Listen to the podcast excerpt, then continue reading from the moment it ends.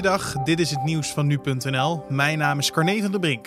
De EU-lidstaten hebben donderdagavond besloten dat er geen verbod komt op niet noodzakelijke reizen. Alle regeringsleiders hebben volgens demissionair premier Mark Rutte wel uitgesproken hoe belangrijk het is om op dit moment niet-essentiële reizen te ontmoedigen.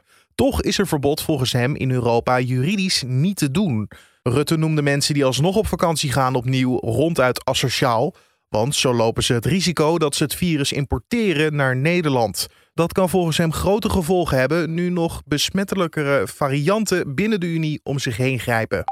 Vijf Nobelprijswinnaars presenteren vandaag een klimaatmanifest dat is ondertekend door 3000 wetenschappers uit meer dan 100 landen.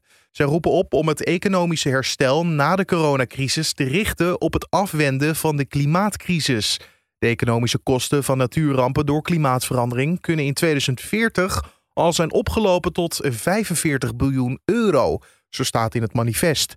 Naast het zo snel mogelijk terugdringen van de uitstoot van broeikasgassen moet volgens hen daarom dringend worden geïnvesteerd in het verminderen van de kwetsbaarheid voor klimaatverandering. Vorige week zijn er naar schatting ruim 3800 mensen overleden. Dat zijn er 500 meer dan normaal zou zijn in deze tijd van het jaar.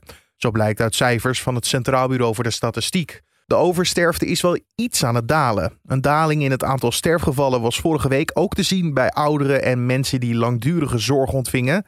Tot nu toe zijn er tijdens de tweede golf bijna 9000 meer mensen overleden dan gebruikelijk. De prijzen van bestaande koopwoningen waren vorig jaar gemiddeld 7,8% hoger dan het jaar ervoor.